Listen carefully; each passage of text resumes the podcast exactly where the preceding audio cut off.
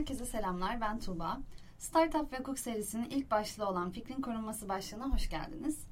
Ee, bugün bizler fikrin korunması başlığımızı konuşacağız. Girişimcilerin merak ettiği konuları, bu konularla birlikte tabii ki işin hukuki boyutunda merak edilenleri dilimiz döndükçe sizlerle paylaşma isteğindeyiz. Ee, bu başlıkta diğer başlıklarımız gibi 3 podcast bölümünden oluşmasını planlıyoruz. Bu podcast bölümleri kapsamında ben Deniz Tuğba Karadağ ve Sayın Avukat Hande Hançer ile sizlerle olacağız. Hande Hanım merhaba. Arzu ederseniz öncelikle sizi tanıyalım. Ardından ben de kendimi takdim ettikten sonra fikrin korunması nedir? Başlığımız kaç bölümden oluşacak? Neleri konuşacağız? Bunlardan kısaca bahsedelim.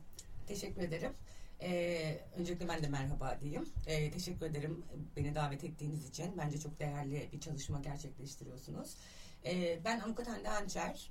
Ee, Gün Avukatlık Bürosu'ndayım. Ee, Fikri Mülkiyet bölümünün ortak avukatlarından e, biriyim. Ve yaklaşık 14 senedir de fikri mülkiyet alanında çalışıyorum. Sizlere de bugün fikrin korunması başlığındaki sorularınızı cevaplamaya çalışacağım.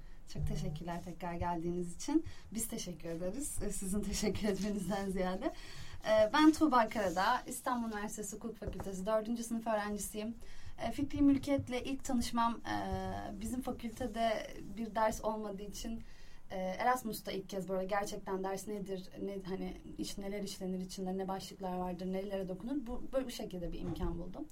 E, yaptığım stajlarda biraz e, olsun görmeye çalıştım. Yaz stajında ne kadar görülüyorsa. E, eminim dinleyicilerimiz de merak ettiği birçok soru vardır. Umarım onların cevaplarını bulurlar.